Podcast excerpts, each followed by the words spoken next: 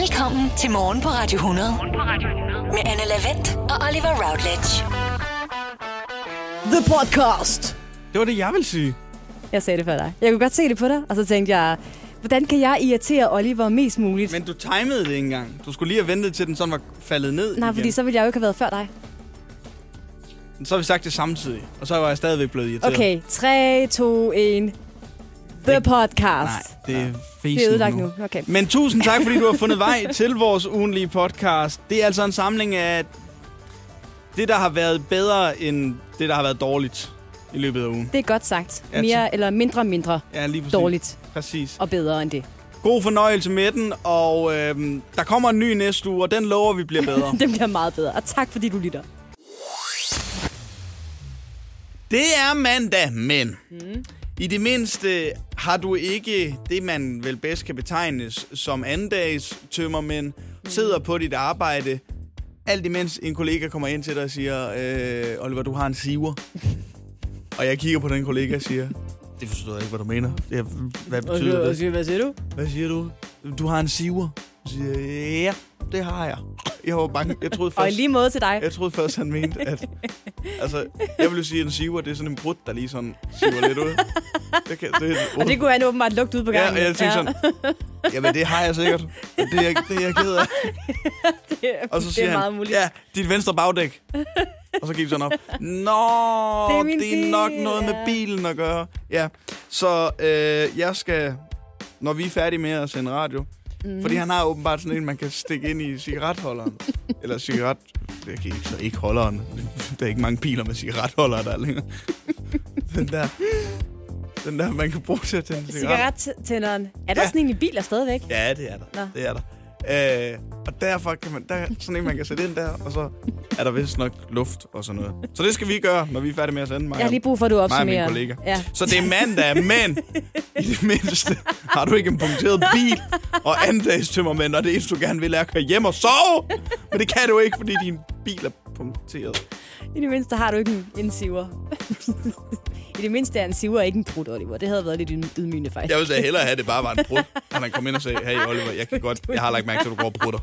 Okay, Det havde det havde været så har bedre. jeg sagt, ja, det er jeg det er mandag, men du har luft i maven. Nå, okay. Jamen, det er, det er svært at komme efter, Oliver. Det må jeg sige.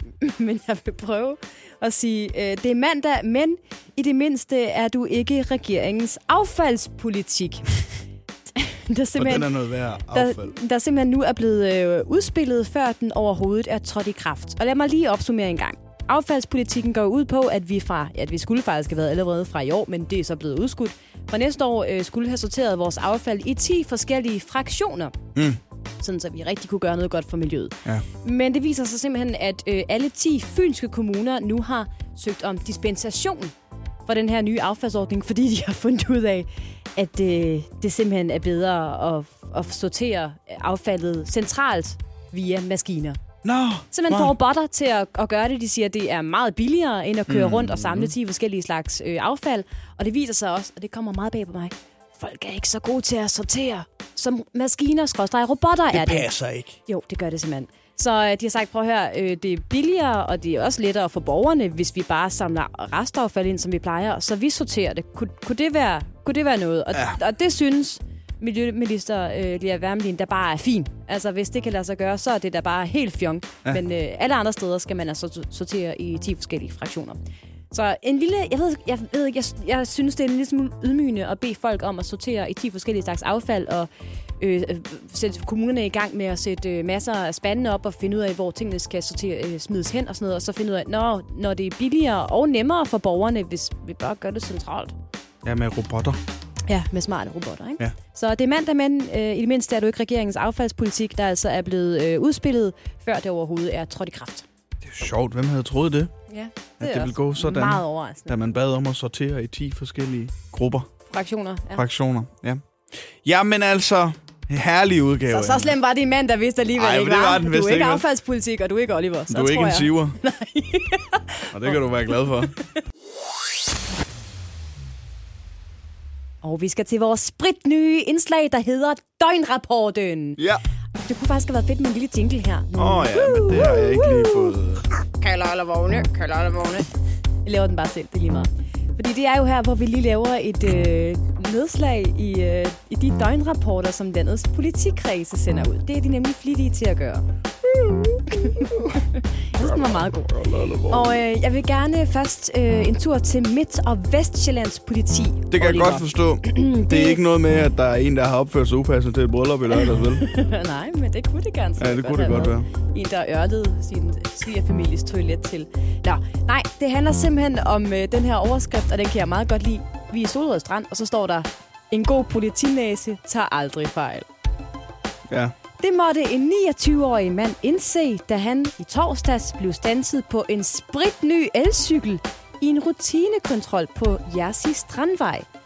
Bag på cyklen havde manden en stor taske, og betjentene besluttede at stanse ham. Den meget dyre elcykel viste sig at være meldt stjålet Ja, selvfølgelig. i København den 19. juli. Så den 29-årige blev sigtet for cykeltyveri, og cyklen blev beslaglagt. Men så var der noget andet interessant, Oliver. Lagde du mærke til, at der var en anden detalje? Tasken. Ja, der var kokain i. Ja, Er det rigtigt? patruljen visiterede manden og rensede tasken, hvor der blev fundet 0,43 gram hash og 0,37 gram kokain. Og dermed blev han Ja, okay. også sigtet for lov om euforiserende stoffer.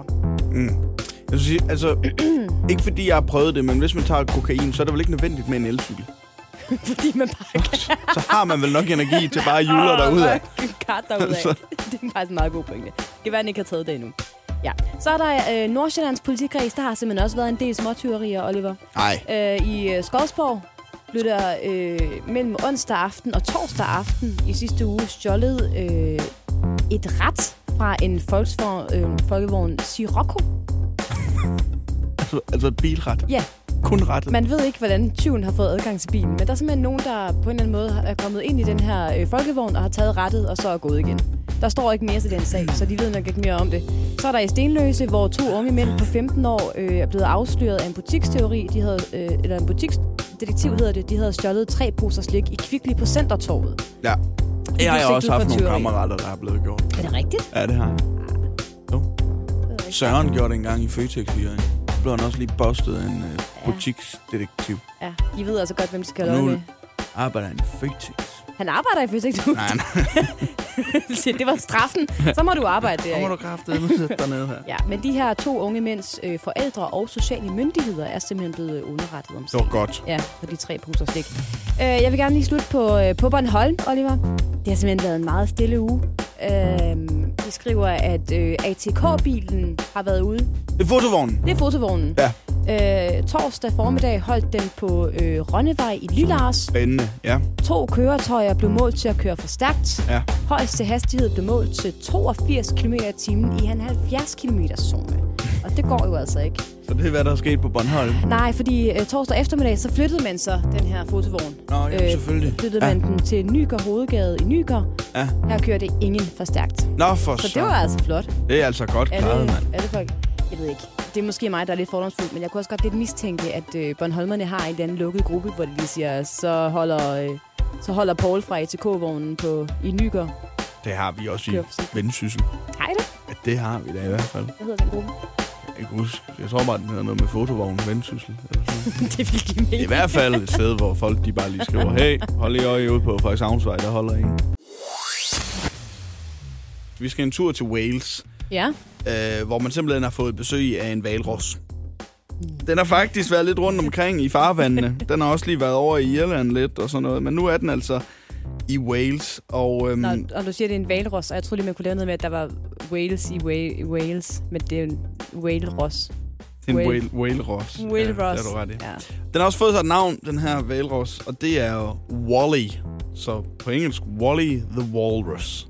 Wally the Walrus from Og Wales. Wally er jo et engelsk ord for et fjols. Er det det? Nå, Ja. det vidste jeg faktisk Man siger meget, øh, altså, man, hvis man er englænder, så ved man jo godt, at øh, man kan sige meget, you Wally, og så er man et fjols. Og det passer egentlig meget godt, fordi at øh, Wally the Walrus er lidt af en ballademager, Nå, Anne. okay. Han øh, er lidt ind og ud af havnen og sådan noget, så ligger han lige op på molen en gang imellem og soler sig.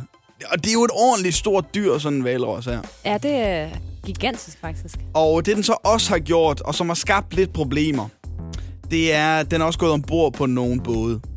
Den er, er- den er den- gået ombord Ja, den, er, den har både. selv lige hjulpet sig ind på nogle både, og så har den... Øh, ja, den, sagen er den, at der er to både, der, der er synket. Øh, takket være Wally the Walrus. Okay, Med jamen, et, et tons tungt dyr, Anne. ja, for jeg skal sige, nu har jeg lige øh, googlet, og øh, man anslår, at en valros, en voksen valros, hvilket vi må antage, at Wally er, Det er Wally. ja. vejer omkring et ton. Ja, lige Simpelthen, præcis. ja. Og, øh, Bare læs på. Der er læs på. Der er så også sket det efterfølgende. Der er også nogle både, der ikke er synket, men hvor Wally bare lige er gået ombord på båden, for ligesom at, hey, jeg ligger lige her. Så den kabrer både mm. i havnen, Mm. og der er nogle af dem, der ikke kan bære vægten af Wally, og så øh, synker de Ja. til bunds. Og det, er, det må være træls, Det må være rigtig træls er fisker eller bådejer. Ja. Skade for flere tusind pund af, af Wally simpelthen er ansvarlig for. Men der er en grund til, at Wally gør det her, siger eksperter. Okay, De siger, slap nu lige af med, at jeg så gerne vil se Wally, fordi det bliver lidt en turistattraktion i Wales. det kan jeg da godt forstå. Kom ned og se Wally. Folk gør så bare det, at de øh, tager på deres paddleboards, for eksempel ved stand-up paddling. Ja, det er meget populært. Og så, så padler de ret tæt på Wally.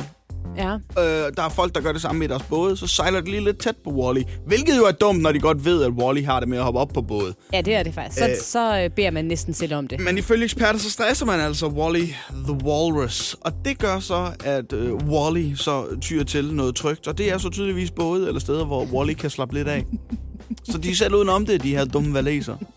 Så hvis de bare holder sig væk, så øh, smadrer Wally slet ingen både? Eller hopper så, op på dem og synker så dem? vil Wally i hvert fald finde ud af selv, at den godt bare kan ligge andre steder end på både.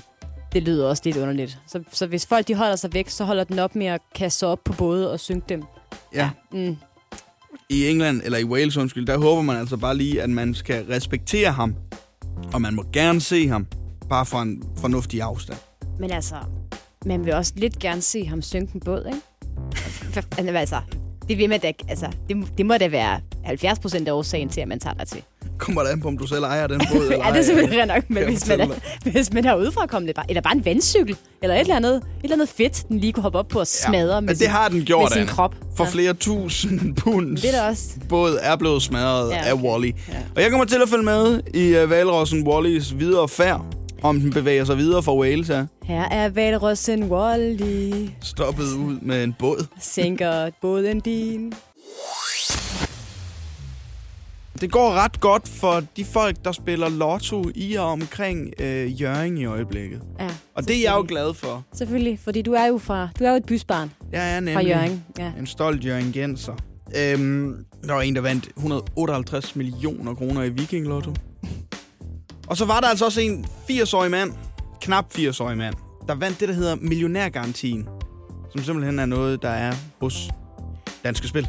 Det er sådan noget med, så man vinder ikke præmien, men så er der nogen tilfældige lottospillere, der også lige får en million, fordi ja. så, er der, så leger vi lige, det er en garanti. Altså, det er jo ikke en garanti, for Nej. så skulle alle jo ligesom have. Men det lyder godt at sige det, ikke? Og det kom frem, at der, der er to vinder af millionærgarantien, og det her, det var jo 31. Øhm, og så kom der frem, at der var en af dem, der havde købt sin kupon i, i Føtex i Jørgen.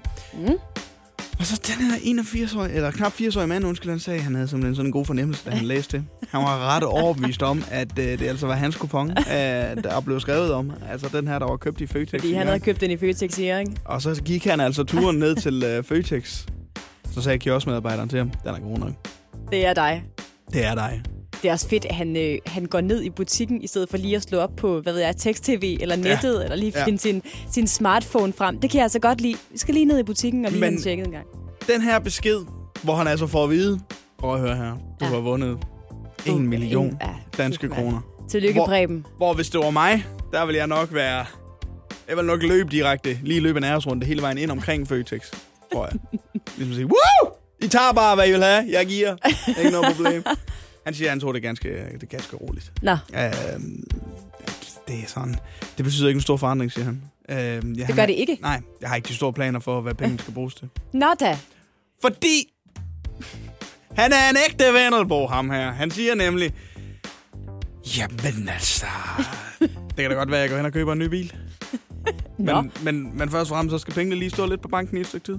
Jeg har et gammelt hus, så der, det er godt at have nogle penge i. Ja. Nej, nej, nej, det er godt at have nogle penge i baghånden, hvis der skulle komme nogle uforudsete udgifter, Okay, siger vinderen af 1 million kroner. ja. Så han, Han, de skal lige stå lidt inde, inde, øh, inde, på, inde på en bankkonto. Man Og jo aldrig, til de gode renter, der jo også er for tiden. der skal være en ny tagrender om et halvt år, ikke? Det er jo Jamen, meget ved aldrig. Jeg bor i et gammelt hus, bare sådan, okay, så, som du så skifter ud. Altså, nej, nej, nej, nej, jeg skal bare lige være sikker på, hvis oliefyret nu går eller et eller andet, så er det da meget rart lige at have lidt.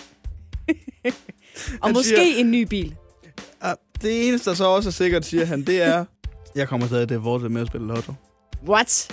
Fordi mens han tænker over, hvad pengene de skal bruges til, så siger han, øh, jeg skal ned og købe øh, kuponer. Det har jeg gjort til øh, Eurojackpot og Lotto øh, hver uge de seneste 25 år, så det bliver jeg ved med, så længe jeg kan. Og så forstår jeg ikke, hvad det er, man spiller Lotto for. fordi, altså, man spiller vel Lotto, fordi man drømmer om at vinde. Den store gevinst. Når man så egentlig vinder den store gevinst og vinder en million kroner, så tror jeg ikke, jeg vil tænke, jeg skal lige spille noget mere Lotto. Nej.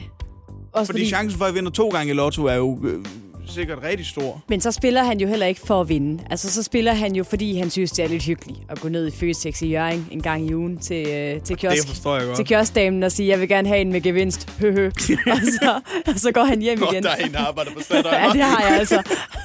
og så hygger han sig med det. Fordi hvis man ikke stopper med at spille lotto efter at have vundet en million kroner, fordi så synes jeg, så, så forstår jeg ikke, når man så skulle gøre det. Nej, præcis. Så er der ingen grund til, at man, altså, der er ingen grund til, at du spiller mere, Men efter jeg du har lige, vundet. jeg skal lige høre, altså han har spillet i, hvor meget siger du, 25 år? 25 år, ja. Og han har købt to kuponer om ugen. Ja. De koster cirka en Jamen, jeg halv- ved ikke, om der altid har været Eurojack på de 25 år. Ej, det, det tror jeg faktisk ikke, der har. Men hvis, han har, hvis vi siger, han har, han har... Fordi der er jo Onsdags Lotto, Viking Lotto. Skal vi I sige, hvert fald han en, har brugt i hvert fald en 100 om ugen. ugen, ja. Ja, så har han jo også brugt langt, altså over 100.000 kroner på lotto-kuponer. Det har han. I hvert fald. Men han har også vundet en mil, Han har så også vundet en million. Altså som han måde, måske bruger på en ny bil. Ja, men ellers er det meget Men godt, de ellers så er lige, det godt lige at have de dem lige stående i banken. Ja, selvfølgelig. Stort tillykke. Oliver, det er lang tid siden, men vi skal altså have fat i en øh, gammel kending her i morgen på Radio 100, og jeg siger bare, take it away.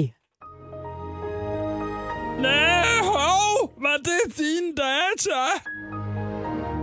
Og for nye lyttere af Morgen på Radio 100, så kan jeg fortælle, at Nehov var din data jo er et tilbagevendende indslag, der dukker op, når nogen, typisk myndigheder, har haft det, som vi kalder lemfældig omgang med vores personfølsomme oplysninger. Ja. Det sker nemlig oftere, end man sådan lige skulle tro. Og i dag, Oliver, der er det øh, Styrelsen for Patientsikkerhed, der simpelthen er kommet til at dele nogle data, de ikke skulle have delt. Nærmere bestemt har styrelsen sendt, hvad der skulle have været en standardskrivelse ud til 123 borgere, men i stedet blev det lige sådan lidt hovsi til en liste med 8.000 personnumre. Hvad? Så Det forstår jeg 100, nej, 123 borgere er gået ind for at tjekke deres e-bokse, Ja. fordi det hele er blevet så, blevet Hvis du så siger digitalt. til mig nu, at de 123 borgere har fået num har fået... En liste med 8.000 Ja. personnumre. Jamen, det, er det, jeg, det er det, jeg siger til dig. Ja. De skulle have haft... De skulle have haft en standardskrivelse fra Styrelsen for Patientsikkerhed. Men så går de ind og lige kigger, nå, kan vide, hvad Styrelsen for Patientsikkerhed lige har sendt til os. Og så indeholder øh, den skrivelse, de har fået, altså en liste med 8.000 CPR-numre, tilhørende helt tilfældige og uvidende borgere. Styrelsen, som altså er Styrelsen for Patient- Patientsikkerhed, understreger dog, at navne og adresser ikke var med. Så det har altså bare været, bare været i situationstegn, en meget lang liste med personnumre, som altså er blevet delt med 123 borgere uden grund. Jeg kan godt øh, blive frustreret over det her indslag, hver gang vi er der med, Anne. Men der er til gengæld også en ting, som altid er sikkert med det her indslag. Ja, hvad er det? Det er, at det som regel er en øh, beklagelig fejl, der er blevet gået. Det er sjovt, du siger det, fordi man kan jo spørge sig selv, hvad siger Styrelsen for Patientsikkerhed Ja. til det her Mhm. mm-hmm. datalæg, som Ja. det er? Øhm, Birgitte Drews, vicedirektør i Styrelsen for Patientsikkerhed, udtaler i en pressemeddelelse, fordi man skal ikke stille op til interviews, man skal bare sende pressemeddelelser ud ja. også, ikke? Øh, hun siger, er du klar, Oliver? Der er tale om en dybt beklagelig ja.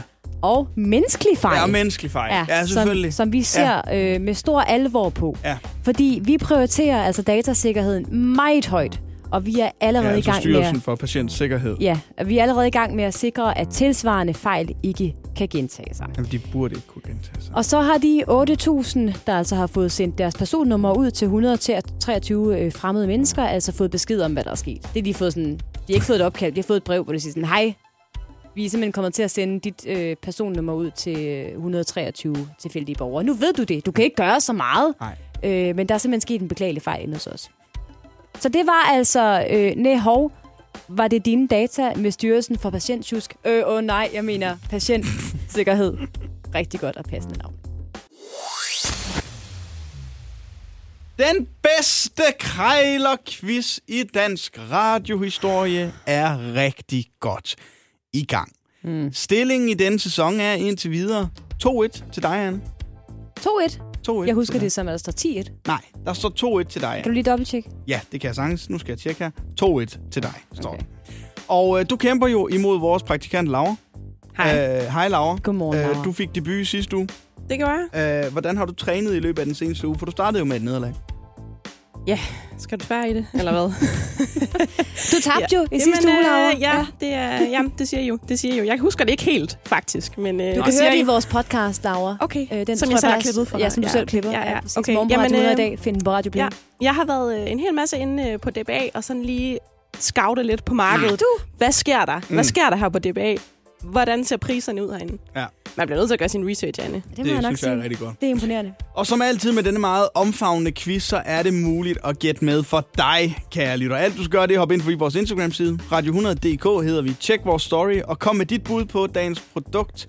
Som, hvis jeg selv skal sige det, er lidt af en lækker bisken. Ah. Anne, hvad tænker du om dagens produkt? Jeg tænker, at øh, køberskaren til dagens produkt ja. er ret smal. Altså, jeg tror simpelthen ikke, der er særlig mange, der er interesseret i at købe det her. Og så må jeg sige det her, Oliver, og, og jeg plejer normalt ikke at være så bramfri. Jeg plejer at være diplomaten her i Morgen Radio 100. Jeg synes, det er en, jeg synes, det er en grim vare. Okay. Simpelthen. Altså, jeg synes ikke, det, jeg synes ikke, det er pænt. Nå. Det må jeg sige. Øhm, men det er godt, at det er så lille så, sådan, så man kan skjule det i en taske eller en lomme ja. eller noget andet. Vil I to tabere gerne vide lidt mere om dagens produkt? Undskyld mig. Tabere, siger du? Ja. Vent lige med at kalde Laura en taber, til hun rent faktisk har tabt igen, ikke? Okay, ro. Men vil I gerne vide lidt Ja, mere? tak. Ja. Okay. Om dagens produkt skriver dagens sælger, som i øvrigt kommer fra Kastrup, således. Smart og diskret etui til de tandstikker, som man ofte står og mangler. Etuiet af er hård plast og fylder og vejer næsten ingenting. Den er 1 gange 8,5 cm. Og du kan også bruge etuiet til sødetabletter eller andre småting, som du har i din taske. Det er simpelthen et tandstik i tui. Ja, eller til sødetabletter eller andre småting, wow. Wow. du har i din taske. Og jeg vil gerne lige understrege, at det drejer sig om to styks, og I skal gætte prisen for begge to. Og eftersom at Anne Lavant vandt i sidste uge, så er det dig, der skal gætte først. Okay, jeg har ly- lyst til lige at øh, knytte en kommentar. Og dem, der øh, går ind på Instagram og finder vores profil Radio100.dk og trykker på vores story, vil give mig ret her. Det ligner simpelthen øh, cigaretter. Jamen, det er jo også øh, det, er der det meningen, Ja. at man har lavet sådan nogle øh, Et tandstik, etui eller Formet som- til øh, sødetabletter med cigaretluk? Hvorfor? Med, som ligner en cigaret. Ja. er det ikke lidt kan- outdated på en måde, eller hvad? Det tror Som jeg også. design? Ja, også fordi, hvem vil jo rende rundt med... Jamen, det er en cigaret, og det er et plastik etui. Altså, det, Jeg har brug for nogle bud, i stedet for at I står og brokker jer over dagens produkt. Men må jeg lige stille et spørgsmål her? Altså, der står, at den er smart og diskret. Men hvorfor er det, man gerne vil være diskret med sine tandstikker? Det er, altså, det er jo op til en selv at bedømme. hvorfor, Jeg, det eneste, jeg kan gøre... hvorfor er den hvid og orange, hvis den samtidig altså, er diskret? Det giver ingen mening. Det eneste, jeg gør, det er at videreformidle, hvordan dagens sælger prøver at sælge dagens produkt. Selvfølgelig. Men det er jo dig, der vælger produkterne, Oliver. Og jeg det er må- også dig, der skal gætte først, ja, Anne. og det hører jeg, øh, hører jeg, du siger nu. Og jeg må sige det her, Oliver. Jeg tror ikke, at den her er meget... de- her, jeg er godt klar over, at der er to. Der er to, ja. etuier er meget Ja. ja. værd. Det tror jeg simpelthen ikke på. Jeg tror, at du kan få dem begge to, fordi det er noget, det ligner noget billig plastikskrammel fra 80'erne. Det gør det altså. De koster... Det er hård plast. Ja. Tak, tak for det. Fylder og vejer næsten ingenting. og diskret. De koster... Øh, jeg siger 58,5. Nej, jeg runder op. 60. 60, 60 kroner. milliarder. Nej, bare øh, 60 kroner. 60 kroner er budet fra Hold Vest. 60 kroner, altså. Ja. Det er et bud. Okay. Så er Ja. vi over ved Hold Grønland, som så har Laura i øh, spidsen. Yes. Vinderholdet, som vi kalder det. Ah, det kender vi det ikke. Øhm, Aldrig hørt. 60 kroner, ja. Det er også fordi, det er et godt Mm. bud, jeg kommer med, Jamen, Laura. Så det er svært ja, for dig. Ja, det er det. Det irriterer mig lidt, at du starter faktisk. Det var jo ikke mig, der bestemmer det. Det er jo her Ja. quizmaster derovre, ikke? Ja. De kan simpelthen ikke være særlig meget værd, dem her. Det kan du, de. Det, Kan de. det, det kan du sagtens. Du skal også huske, at, at folk har meget høje tanker om, hvad ting koster. Ja, Jamen, det er rigtigt. Du skal bare tage dig tid, Laura. Det, er, Ja, jamen, det gør det. det har vi da det masser af. dig, der gør Vi det jo. sender to timer endnu, så det er fint. Okay. Jeg bliver nødt til at lægge mig lidt lavere, tror jeg. Jeg tror simpelthen ikke, de kan koste særlig meget. Okay. Ja. For lidt lavere, er det 59 kroner, eller... Hvor er vi, Hvor er vi henne? Jeg tror, en flad 50'er. En flad 50'er er budet fra Laura. Så Ikke- I ligger ja. altså på henholdsvis 60 kroner, Anne Levent, Mhm. 50 kroner, praktikant Laura. Yes. Og der står 2-1 til dig, Anne, indtil videre. Det gør der. 10-1. Det bliver spændende at se. Hvem der vinder dagens udgave af det her smart og diskret etui. I har i dag skulle øh, forsøge at gætte prisen på et smart og diskret etui til de tandstikker, som man ofte står og mangler. Etuiet er hård plast og fylder vejer næsten ingenting. 1 gange 8,5 cm. Man kan også bruge etuiet til sødetabletter eller andre småting, som man har i sin taske. Super smart. Ja. Ah, Budet fra Anne Levent. Ja. 60 kroner. jeg tror, det er for højt. Jeg har stået og tænkt over det under Maroon 5. Budet fra Laura, vores praktikant. 50 Mm. kroner. Jeg tror på en måde også, det er for højt. Kan jeg, kan jeg nå at ændre mit bud? Kan jeg lave en Lavent og lige, øh, lige sige, jeg vil gerne lægge mig under Laura så? Nej, det kan du ikke. Og det beklager jeg, men øh, det er ikke mig, der laver reglerne. Åh, oh, det er det. Nej. hvem, hvem er det så? Det er ikke mig, der laver reglerne i den her quiz, så øh, det kan du desværre ikke. Den, den skal du tage op på øh, mellemlederniveau. Men den samlede stilling indtil videre i sæsonen er jo 2-1 til dig, Anne. Yes. Så det bliver spændende at se, hvad der kommer til at stå nu. Fordi den smarte og diskrete, det smarte og diskrete etui til tandstikker, som man ofte så og mangler, er nemlig sat til salg for 44 kroner. Yes! Og vinder dagens udgave. Så okay. Uhuh. Tænk så, du taber til en praktikant. Det betyder, at der står 2-2 Hvor er det fedt. Hvor er det i den samlede. Hvad er Så betyder det, at du skal værd? købe dem nu, Laura. Så skal du have dem jo. Ja, så har En jeg også en indflyttergave til dig. Genialt. Åh, nej. Sagen er jo den, at vi alle sammen godt ved, at hunde er verdens bedste, sødeste og sjoveste dyr. Ifølge Oliver Routledge. Der er også andre dejlige kæledyr, Oliver. Og det er ikke fordi, og det vil jeg godt lige stå fast, jeg kan godt lide hunde. Det kan jeg faktisk rigtig godt. Men det er ikke ens betydende med, at jeg skal have en hund. Fordi det kræver stadigvæk meget at passe sådan en lille, lille væsen. Ikke? Jeg hører dig sige, at du kan godt lide hunden. Og jeg forsøger ofte at overbevise dig om, at du er den perfekte hundeejer. Ja. Ja, jamen, det Og jeg synes på. stadigvæk, I burde købe jer en hund sammen, der er din kæreste Mark. Ja, det siger du. Og nu vil jeg så lige prøve en, en sidste gang, fordi jeg har fundet en ny undersøgelse, Anne. Mm. Og jeg tror, den falder lige i din smag, den her undersøgelse. Øhm, og hvis det her så stadigvæk ikke er nok til at få dig overbevist, så skal jeg nok stoppe. Okay. Indtil jeg... Lover du det? Indtil du finder en anden artikel. Nej, det, gør, det gør jeg ikke. Men jeg skal nok stoppe for, for i dag så. Fordi sagen er den, at der er en hundepsykolog. Yep, det findes.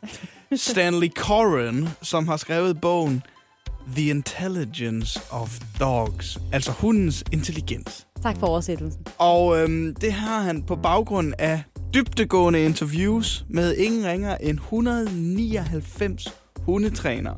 Nå, jeg tror lige, du skulle sige 199 hunde. Nej, hundetrænere. og det har sammen skabt en liste, der simpelthen rangordrer hunde efter, hvor lydige de er. Og dermed, hvem, hvad der er den klogeste hund, og hvad der er den dummeste hund. Okay, så du kan nu fortælle mig, hvilken hunderace der er den klogeste, og hvilken der, der er den dummeste. I hvert fald ud fra, om de lystrer deres ejer. Mm-hmm. Check. Okay. Og øh, lad os starte med den tunge ende af listen. Øh, fordi, hvilken hund er mon egentlig den dummeste i verden? Det er en afghansk mynte. Hedder det ikke en afghansk mynde? Som mynde. Jeg synes, det synes jeg, jeg har hørt før. Jeg kan ikke lige genkalde mig, hvordan de ser ud. De der, den er rigtig grim. det så meget kan du sige. Ja, det kan jeg fortælle dig. Ja. Den, er, den er ikke rigtig pæn. Men en afghansk mynde. ja. Og det er Nå, den, fordi... det er den der med det lange hår. Den Ja. ligner sådan en... Øh, ja, den, den ser meget vanvittigt ud. Det, det, er ligner, en, det er en meget selvstændig hund, Anne. Ja, Og den gider ikke rigtig at adlyde ordre. det er jo lidt ligesom en kat, Ja, kan man sige. præcis. Men det er derfor, at det er det, jeg sag- siger til dig. At selv den dummeste hund er på niveau med en kat.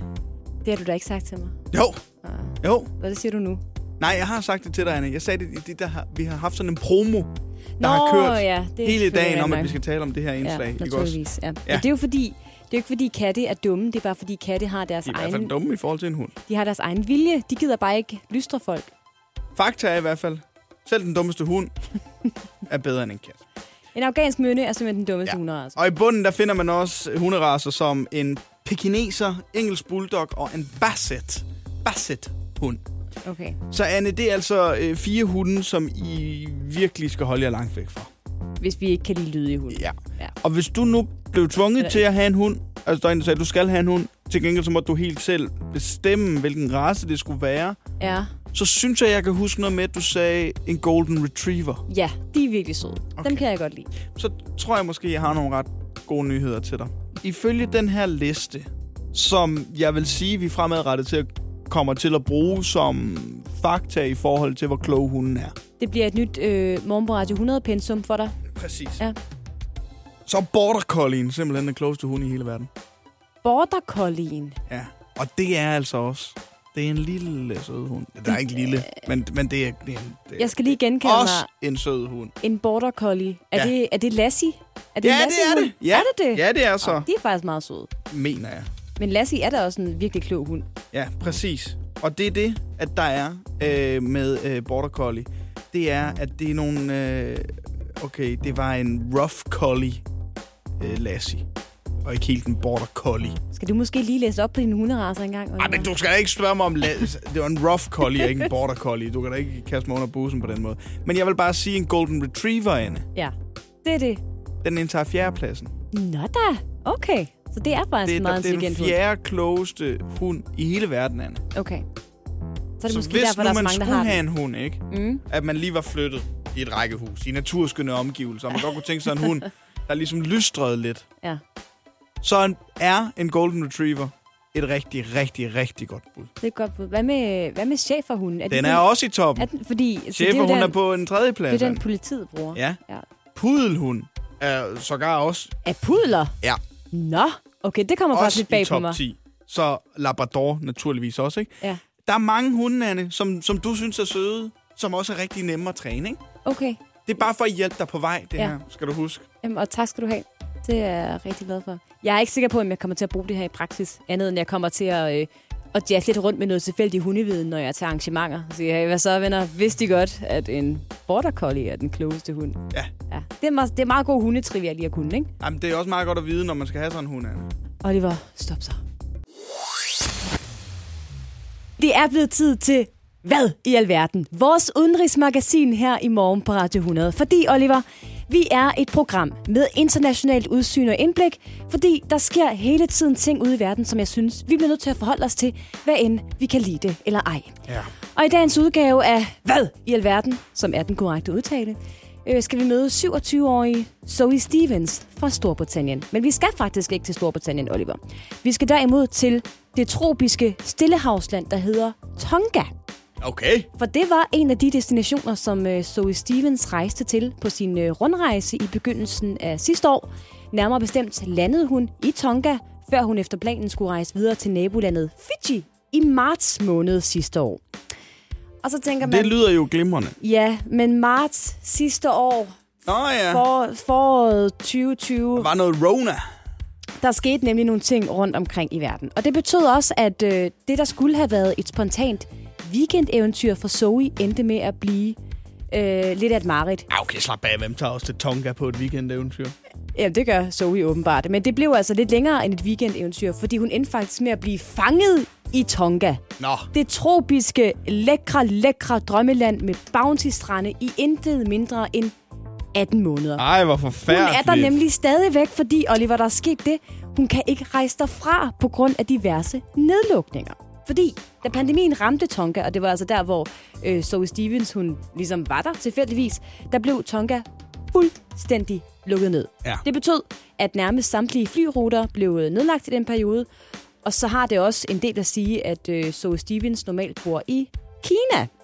Og Kina har sjovt nok også nærmest været øh, hermetisk lukket for indrejsende. Ja. Så sidder hun der i Tonga, som altså er... Altså forestil dig en reklame for øh, de vildeste rejser. Ja, altså, ja. Det, er, det er sådan et sted. Ja. Og så tænker du, er det så, slemt? Det kunne jeg bare Er ikke det- forestille mig, at det skulle være ret slemt at, at være fanget i Tonga. Det lyder ret lækkert. Hvis Ja. selvfølgelig, man, man skal nok lige øh, kontakte nogle lokale øh, frugtplukker og sige, at man vil have et arbejde. Ja.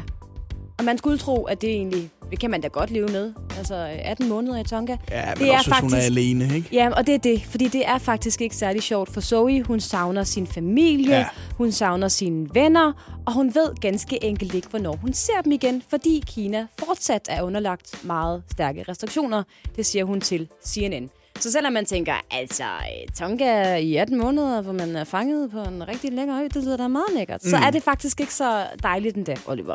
Med til historien hører så også, at øh, Zoe Stevens ikke rigtig har gjort noget for at komme andre steder hen end Kina. Fordi Nå. der flyver altså fly til og fra Tonga. De flyver bare ikke til Kina. Men som hun siger, hun kan ikke rigtig se nogen mening med at flyve andre steder hen end hjem til sin egen faste base i netop Kina. Og det forstår man måske godt. Altså, hvorfor skulle hun flyve et dårligere sted hen, og så vente der på, at hun kunne komme til Kina? Altså, Jeg komme ved hjem ikke, hvis hun er fra Storbritannien, så kunne hun da måske tage til Storbritannien og besøge sin familie. Ja, men hun har bare Som hun sin, savner. Hun har bare sin faste base i, i Kina, så hun vil bare gerne til Kina. Så hun er altså stadigvæk fanget øh, i Tonga på ubestemt tid, og det er altså øh, rigtig hårdt for Zoe. Det er bare synd for hende, kan jeg Tanker, tanker til Zoe. Ja, det må jeg sige. det er sgu... Hårdt, hårdt Ja. liv, ikke? Og det er det, hvad i alverden, som vores udenrigsmagasin øh, her på Radio 100 øh, også sætter fokus på. Altså, det er de mere triste skæbner ude rundt omkring i verden, Oliver. Fordi det er også en del af livet, og det skal du også lære. Hvad end jeg kan lide det eller ej. Præcis. Okay, ja, tak skal du have. Selv tak. Og nu skal vi altså have et øh, kig på de lokalhistorier, som bliver overset af de store danske aviser og tv-nyhedsudsendelser. Ja, og øh, jeg har fundet min lokalnyhed i dag hos TV2 Østjylland, og jeg vil gerne tage dig med en tur til Horsens. Ja, tak. Fordi i Horsens, der bor ægteparet Lise og Kurt Madsen. Og de har kort sagt øh, en gennemgående og gennemgribende hobby i deres liv. Og det er bandet Big Fat Snake. Bonsoir, madame. Sådan skal de jo synge. Bong! Og så kan man sige, jo jo. Så er der blevet skrevet en artikel om, øh, og lavet et tv-indslag om, at de har mange plader eller sådan noget. Men nej, Oliver. Der er altså tale om et helt særligt tilfælde af Big Fat Snake-fans. Jeg vil faktisk kalde det en besættelse. Er de superfans? Ja, det vil jeg sige super, super fans. Lise og Kurt har været til omkring, og nu skal jeg lige bede dig om at holde fast i, i bordpladen en gang, ikke? De har været til 500 koncerter med Big Fat Snake over de seneste 22 ja. år. Ja, det er mange. 500 koncerter. Det svarer til 22 koncerter om året. Ja, det er mange. Cirka en hver 16. dag. Det er altså, det er voldsomt. Og hvis man sidder og tænker, hvad foregår der? Så ved Lisa og Kurt godt, at det måske virker en lille smule skørt. Nå! Ja, men de mener altså også, og det kan jeg godt lide, de sy- øh, mener simpelthen, at det er livsforlængende at gå til Big Fat Snake-koncerter. Selvom de efterhånden, og det forstår man godt, kan have lidt svært ved at skælne de 500 koncerter fra hinanden. Udover øhm. rigtig mange... Jamen, du skal lige vente lidt. Fordi udover de rigtig mange dejlige koncertoplevelser, som øh, de har oplevet med Big Fat Snake, så har de også en meget, meget stor samling af Big Fat Snake merchandise Ja, klart. signerede plader, trommeskin, billeder, CD'er, IP'er, plakater, you name it, de har det. Og ikke nok med det, fordi de er så store fans af Big Fat Snake, så blev de spurgt, om de ville stå for bandets merchandise på nogle af turnererne. Nej. Jo. Så Det sagde de ja til. Det sagde de da kæmpe ja til. Flere koncerter, så var de altså med rundt. Og så tænker man, "Ah, men, men Big Fat Snake, altså er de ikke gået i opløsning? Jo jo, de havde afskedsturnéen, øh, der i 2018 havde et meget fiffigt navn. Kan du gætte, hvad den hed? Nej. Au revoir, madame. Flot.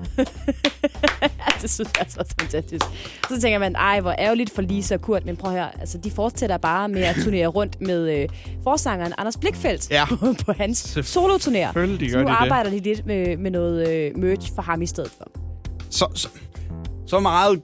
Mange, de har lavet rigtig mange gode sange, Big Fat Snake. Øh, ikke så mange. Ej, Øh, ikke, ikke, ikke en koncert Ikke så mange hver med- ikke så 22. mange, jeg- dag, var det det, du sagde? jeg, jeg kender... Øh, nej, nej, hver 16. dag. Hver 16. dag? Ja, 22 koncerter om året. Ja, hold da op.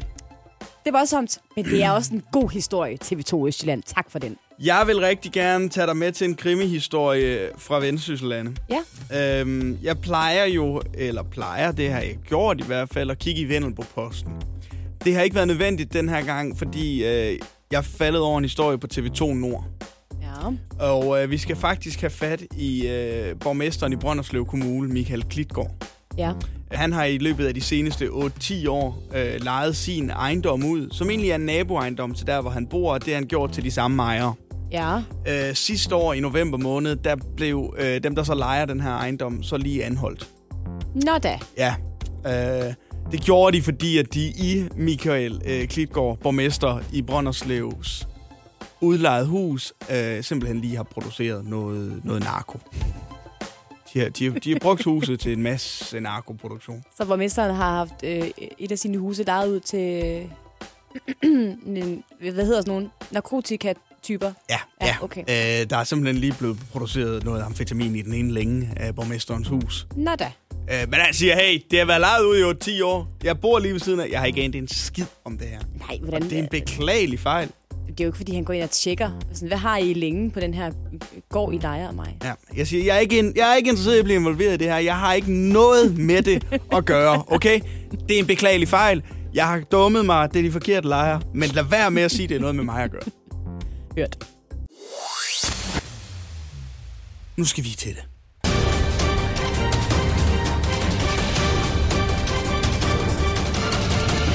Så er det blevet tid til en onsdags Olfert. Det kan du lide, hva'? Det er nemlig, hvad det er blevet tid til. Og jeg skal allerede lidt tænder, kan jeg mærke, Anne. Fordi det er jo her, hvor vi lige får lov til at rase ud en 2-3 minutter, og så er alt godt igen.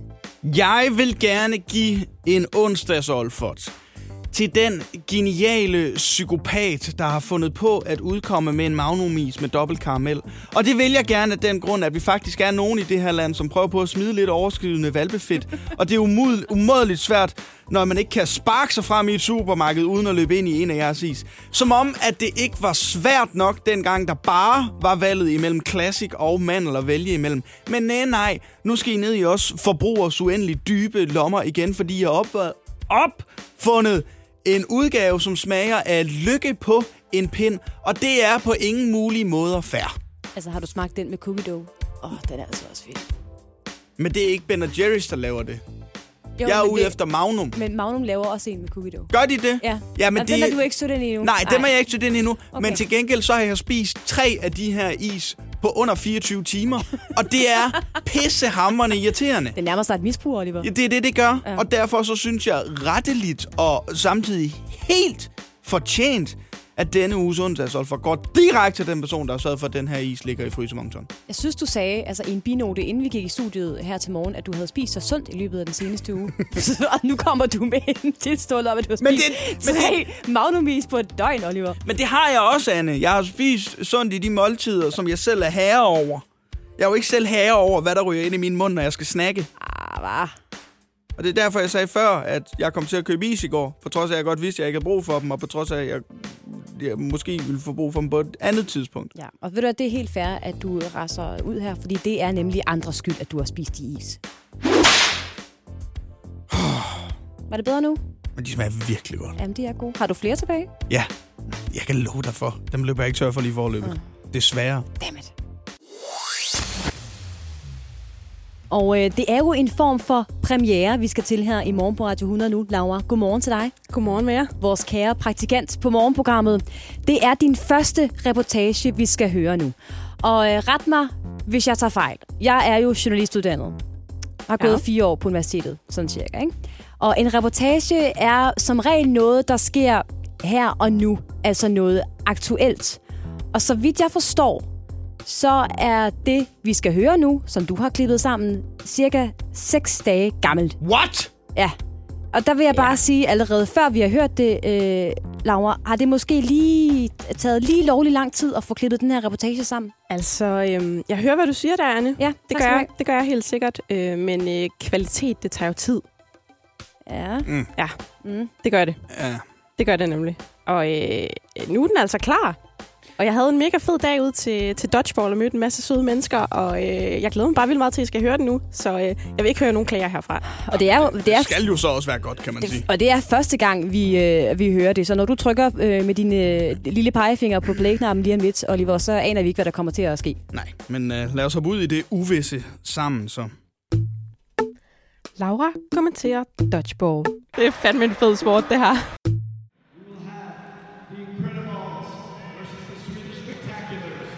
Jeg er taget ud til Østerbro Stadion i København, og det er jeg, fordi der i forbindelse med Eurogames afholdes turnering i dodgeball. Det er det, man også i gode gamle dage kaldte for høvdingebold. Lugten af træningshal, den er hæftig, men øh, stemningen, den er virkelig fed.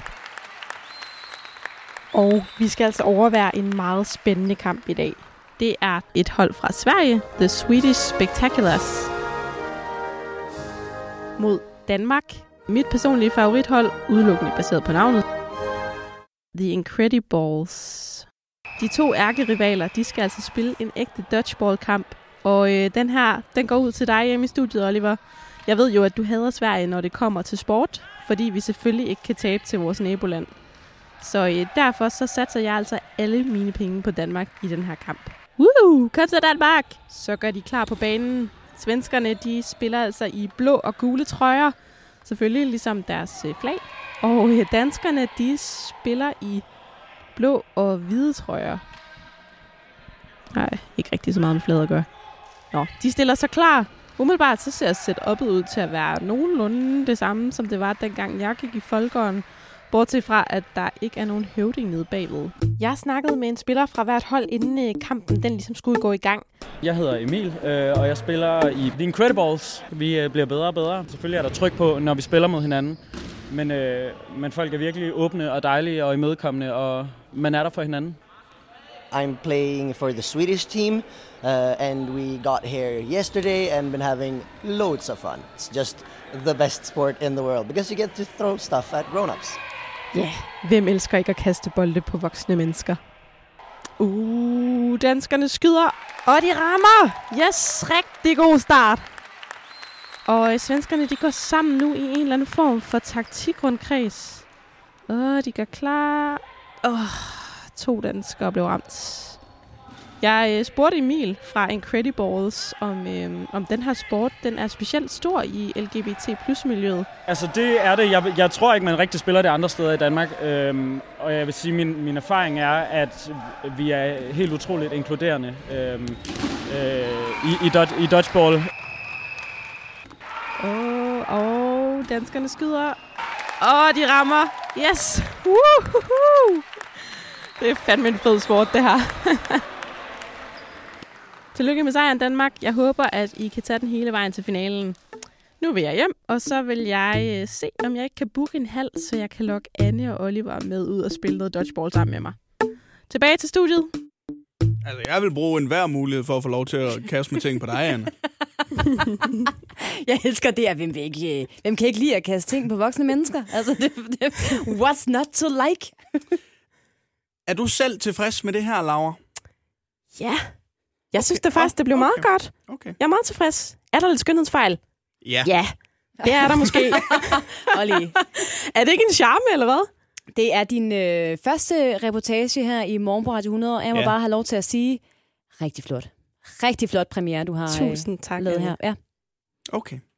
Yes, jamen så siger vi det. Ja. Det kan vi godt lide. Tillad mig lige et øjeblik, Anne. Jeg skal lige have den her rundt om her. Så. Ah, Hvad, så. Og så trykker jeg der. Yes. Og så... Åh, oh, oh, det er dejligt. Mm. Sådan der. Åh, oh, hvad har du gang i, Oliver? Hvad er det der? Hvad det, er du sådan en, det er sådan en massageting til nakken, som jeg har købt. Skal, Ej. skal du da ikke, skal du da ikke på, Uh. mens vi sender radio? Jo, jo, det må jeg godt. Det er det smarte i det.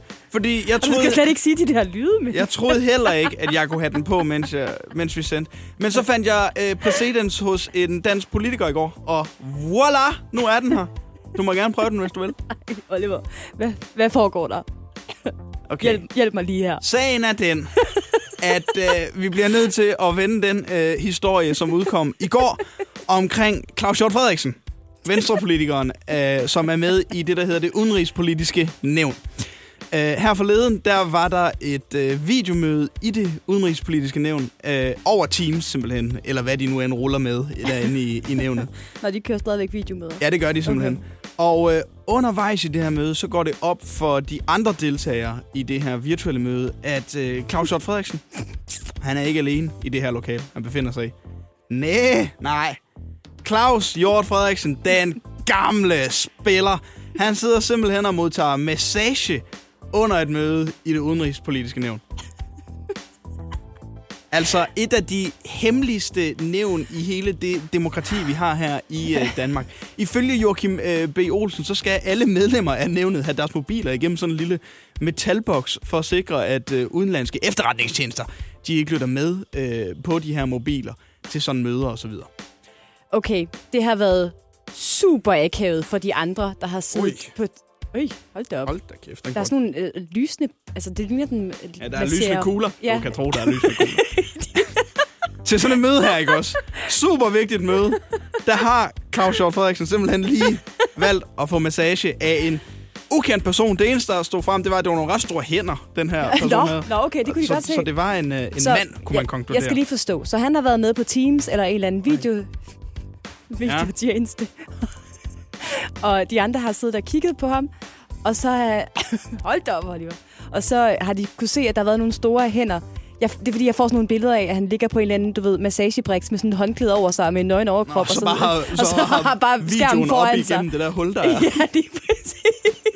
Nej, det har han ikke. det er ikke sådan, der er foregået. Men, men det, som der undrer mig, det er, at man ikke er klogere i det udenrigspolitiske nævn. Fordi da jeg læste den her øh, historie, så kom jeg i straks i tanke om en anden kæmpe brøler inden for det her nævn af. Ja. Tidligere i, øh, eller tilbage i oktober sidste år, Anne, mm. der skulle nævnet holde et øh, virtuelt møde med en person, som de troede var den hvidrussiske præsidentkandidat, Svetlana Tishanovskaya. Godt udtalt, Oliver. Tak skal du have. Tak. Øh, der blev drøftet lidt frem og tilbage mellem øh, Svetlana og de danske øh, delegerede, øh, eller deltagende, indtil danskerne så begyndte at lukke lunden. De synes, der var noget, der var ikke helt rigtigt ved den person, de talte med. Og det viser sig så, det var overhovedet ikke Svetlana Tishanovskaya, som man havde talt med. Det var en eller anden hacker, der bare hackede sig ind hos det udenrigspolitiske nævn og skaffede et møde med dem. Det var, ja, det, jeg husker det som om, det var en eller anden satiregruppe eller sådan noget, der lige ville se, om de kunne. Og det kunne Ja, de og så det kunne godt de sagtens, komme ja. ind i uh, et af Danmarks vigtigste nævn, nemlig det udenrigspolitiske. Ja, jeg synes, alt det her øh, summerer op til, at øh, det udenrigspolitiske nævn måske bare skal begynde, begynde at mødes øh, fysisk igen. Altså, drop de der teamsmøder, det fungerer ikke for dem. De har ikke super godt styr på det der øh, virtuelle møder i hvert fald, kan man sige. Altså, er det virkelig rart, det der, det der med ting? Du må gerne prøve den. Ja, jeg overvejer det. Den er spændende, vil jeg sige. De lysende kugler. Og værsgo, Anne. Kom bare med de rosende ord og takken for, at jeg har fået dig i gang med at se Spise med Prise. Lad mig starte et sted, der måske er lidt anderledes end der, hvor du gerne vil starte, Oliver.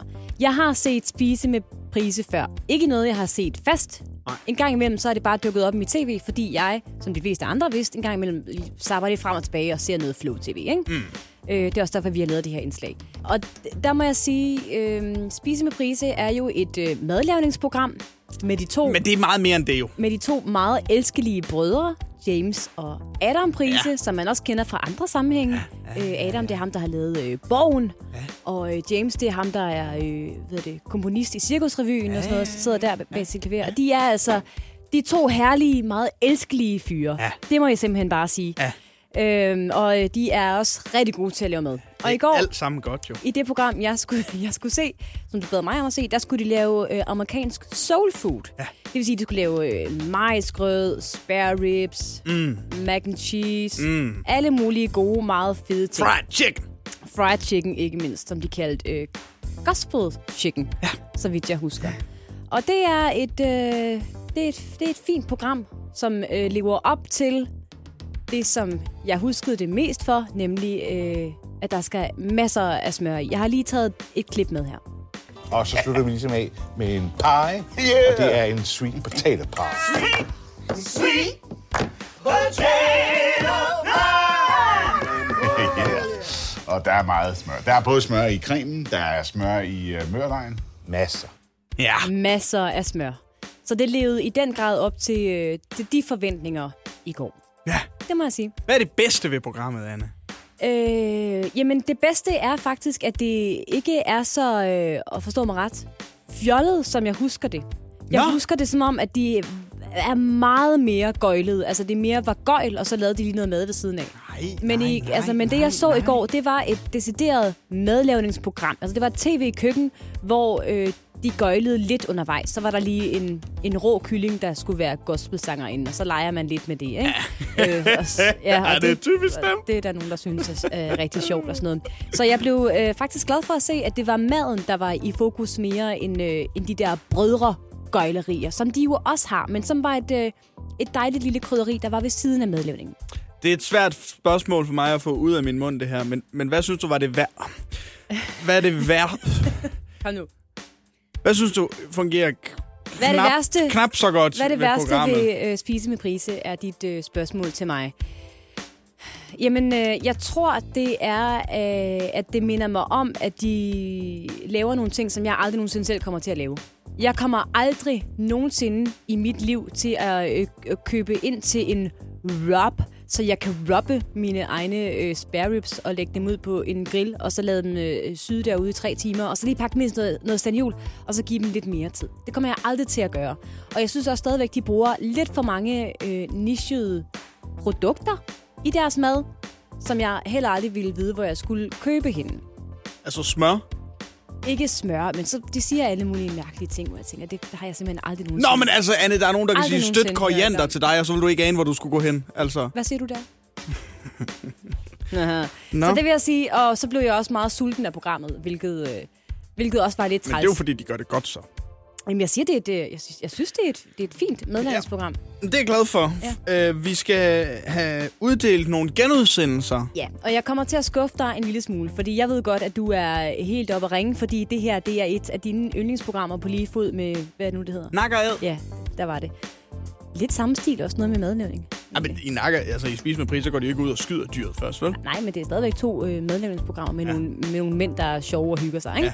Ja. Okay, jeg vil gerne give Spise med Prise tre genudsendelser ud af seks.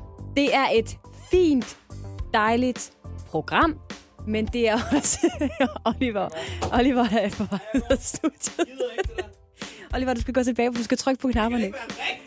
Vi skal høre, vi skal høre uh, Align alene lige om lidt. Så det skal du lige sætte på for mig. Tre genudsendelser synes jeg er, uh, er helt passende, fordi det er et dejligt program. Det er slet ikke det. Jeg kan sagtens se det. Men det er ikke noget, der er sådan sindsoprivende for mig. Altså, det er ikke noget, jeg har tænkt over siden i går. Eller jeg tænker, jeg skal bare hjem og binge alle sæsoner. Det må jeg sige. Som det var med to ens med Peter Ingemann, som du alligevel gav flere stjerner. Det er noget, du bare lå søvnløs over, eller hvad? Ah, næsten. Det var Peter Ingemann. Jeg er i chok. Anne, på din højre side nu, der står en person, det vil være pænt, at der er hils på hende for en gang skyld. Hun hedder Laura, det er vores praktikant. Kan du lige sige hej til Laura? Godmorgen, Laura. Godmorgen, Anne. Og jeg vil Har egentlig, du stået der hele i morgen? Det har jeg. Uden tak jeg lige fordi har du har lagt mærke til mig. Ja. jeg vil egentlig bare gerne øh, overlade ordet til Laura, fordi Laura og jeg har aftalt, at øh, hun skal lidt tage øh, røven på dig. Nå, det lyder ikke så rart. Nej, Hvad går det ud på? det øh, går ud på, at øh, Anne, jeg har forberedt et lille indslag. Ja. Og øh, det har jeg, fordi at, nu har jeg været her i... Handler det øh, om rækkehuse? Det gør det ikke, umiddelbart. Jeg har været her en måneds tid nu, og øh, mit absolut øh, yndlingsindslag, det har I overhovedet ikke lavet, mens jeg har været her. Og det er jeg selvfølgelig rigtig skuffet over. Mm. Og det er naturligvis det indslag, der hedder radiofoniske memes. Ah, okay, okay, okay. Ja. ja. Ja, kan du lige kort øh, fortælle, hvad det er, Anne? Det er jo, hvor man øh, tager nogle udtalelser. Det kan være fra et øh, pressemøde, for eksempel. Det er det, vi har gjort meget. Og så klipper man nogle sætninger ud fra det pressemøde, og så putter man dem ind i en anden kontekst. Og nogen vil sige, at det ikke er helt medieetisk for, forsvarligt og sådan nogle ting, men, men det er ret sjovt, faktisk. Det kan blive sjovt. Det er ret sjovt, og øh, jeg opdagede jo, at I har, øh, I har misset en oplagt mulighed for at lave radiofoniske memes. Åh oh, nej dog. Jo, fordi at øh, i tirsdags, der holdt vores statsminister Mette Frederiksen jo en tale til øh, den her konference i Fredericia om fremtidens Danmark. Det er rigtigt. Hun Yes. havde inviteret Vigtige og dygtige og... rigere, Rigere og... Ja. sundere. Præcis, men øh, bare rolig venner, fordi jeg har selvfølgelig øh, taget den i mine hænder og, øh, og gjort arbejdet for jer og lavet nogle rigtig gode radiofoniske memes. Men er du sikker på, at du kan... Og det mener på den bedst tænkelige måde, det her, Laura. At du kan løfte den opgave, fordi det er jo... Og det kan vi jo sige, at det er en ret svær opgave at lave memes. Ja, Øh, det er du sindssyg. Ja, meget krævende. Men øh, nu er det jo heldigvis sådan, at jeg er ret sjov. Nå, Så det er rart at finde ud af. derfor så er jeg 30 faktisk dage. Siger du nu? Okay. ret sikker på, at øh, jeg kan gøre det her. Så gør jeg klar til at grine. Okay, Er du jamen, klar på knapperne derovre, øh, Oliver? Ja, jeg er klar. Godt. Ja. Så er vi klar til meme nummer et. Når mig og min ven snakker om, at det kommer til at gå galt, hvis vi bestiller 10 shots mere. Vi vidste ikke, om vi ville få ret, men det fik vi. Ja, Ja, okay. Det Ah, er jo en god start. sjovt. Ja. ja okay. okay. Er I klar til næste? Ja. Meme nummer to. Når du til din kæreste pitcher ideen om, at den ene væg i soveværelset skal males lyserød. Det er også et resultat af beslutninger, der er truffet. Mm-hmm. ja. Det kan jeg relatere rigtig meget det til. kan du jo. Den, gik, den gik faktisk lidt ud til dig, den her, Ja, Anne. fordi vi har jo øh, lige købt et rækkehus, tak fordi I spørger, hvor vi har malet den ene væg i soveværelset. Øh, ikke lyserød så meget som lilla. Den skulle have været lyserød. Så jeg kan meget relatere til det meme. Tak for det, Laura. Ja, det var så lidt. Meme nummer tre. Når du opdager, at hotellet på Mallorca har all inclusive. Fantastisk land. Jeg elsker, jeg elsker også Hva? Mallorca. Ah, den er god. Ja, den er ja, så okay. god. ja. Ja, det tegner godt, det her, var. Aha, okay. Jeg har to tilbage. Ja. Meme nummer 4. Når det lykkedes dig første gang at lave en hjemmerørt banæs, der ikke skiller. Når man kan det, så kan man, hvad man vil. Det kan Anne ikke relatere til, fordi der skal øh, hvidvinsedike i en øh, hjemmerørt banæser. Anne Hvordan- ved ikke, hvad eddike er. Hvordan udtaler du det? Hvidvinsedike? Hvidvinsedike. Ja. Man skal i en specialforretning for at købe det. Det skal man ikke, man. Man skal i det, der hedder et supermarked, Anne. Den gik ud til Oliver og hans hjemmerørte øh, Bernays. Det gjorde den, men øh, den sidste her, den øh, går faktisk også ud til Oliver. Er det rigtigt? Yes, Har du lavet en specielt til mig? Ja, det har jeg. Det har jeg. Nu sagde okay. du godt, at jeg skulle tage røven på Anne, men måske også tage røven lidt på dig. Nå. Her kommer i hvert fald øh, min nummer 5. Når Oliver fortæller en af sine mange historier om Jørgen. Gammel anekdote, nogle af jer har hørt den før. Jeg synes stadigvæk, den er meget god. Det synes jeg ikke er sjovt. Det var den Hva? bedste. Ej, den og så Mallorca, Okay. det var klart det bedste. Ja. Det er jo totalt dig, Oliver. Prøv lige, at tage den igen, Laura. Når, når Oliver fortæller... Når Oliver fortæller en af sine mange historier om Jørgen. Gammel anekdote, nogle af jer har hørt den før. Jeg synes stadigvæk, den er meget god. Det er 100% dig, Oliver. Hvis der er noget, jeg elsker, Oliver, så er det boligprogrammer. Ja, mere end madprogrammer i hvert fald. Især- Det fik vi understreget i går. Ja, og det kan man høre i vores podcast, Morgen på Radio 100 i dag. Øhm, og øh, især det, der hedder tre gange beliggenhed, er jeg meget glad for. beliggenhed, beliggenhed. Ja, og det, jeg har lagt mærke til i tre gange beliggenhed, det er, at alle vil have det samme, ja. nemlig et etplanshus. Nå for søren. Gider ikke have trapper. Det skal ligge i et stille område, der skal være et øh, køkkenalrum, og så skal der være øh, ja, ikke noget støj overhovedet. Det forstår jeg ikke. Jeg vil gerne have et hus i flere etager. Men Det vil jeg nemlig også godt. Og så er det jo, at vi har købt et rækkehus, Oliver. Det kan godt være, at du lige har fået det med, men øh, Mark og jeg, vi har jo købt vores øh, eget lille rækkehus. Er det rigtigt? I, ja, det har vi. I Nå. tre etager. Wow. Øh, fordi vi synes, det var hyggeligt. Altså, vi synes, det kunne noget, det der med etager. Ja. Ja. Altså, fordi vi ikke kunne få så, meget, få så meget andet. Men bortset fra det, Ja, ja. trapper, fint. Ja. Jeg har så dog fundet øh, ud af, at der er et lille men. Ja, de er svære at støvsuge. Øh, jamen, det, det synes jeg egentlig ikke har været så slemt. Det er mere det der med, og nu kommer... Jeg er jo ikke typen, der brokker mig, men... Mm. Mark har fået en meget irriterende vane, hvor han lægger sit vasketøj på trappetrinene. Hovedsageligt sine sokker. Fordi jeg er kæreste med en mand, der ikke kan lide at have sokker på. Jeg ved ikke, hvad det er. Det er åbenbart noget, han ikke kan lide. Så det første, han gør, når han kommer, når han kommer hjem, kommer ind ad døren i vores fine rækkehus, det er, at han åbner sine bukser, fordi de strammer som regel. Ja. Og så, øh, så smider han sine sokker. Kender. Så smider han sine sokker. Og vores vasketøjskurv står jo øh, op på øverste etage, fordi der, det er der, vi har vores påklædningsværelse. Ja, for sådan et har vi nemlig. Og der gider han ikke gå op. Så lægger han sine sokker rundt omkring på trapperne. Ja. Og så har han opfundet det, som han kalder det gode sokkesystem. Ja. Der går ud på, at så kan man måske lige tage dem med, når man så går Så ovenpå. går ovenpå. Ja, ja, det forstår jeg da Og godt. det er uanset, om det så er, er mig, der gør det, eller ham selv. Og det er oftest mig, der, der bevæger mig op og ned af de der trapper. Og jeg synes ikke, det er så rart at kigge på, at der ligger øh, sokker og, og andet slags tøj, han har efterladt på trappetrinene rundt omkring. Ej. Fordi han ikke lige gider at gå øh, to etager op. Men er han typen, der bruger sokkerne igen nogle gange, Mark? Øh, Kan nej, han godt have et par sokker på mere end en dag? Nej.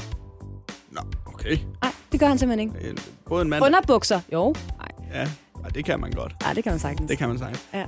Øh, Han er en, en endags sokke kind of guy.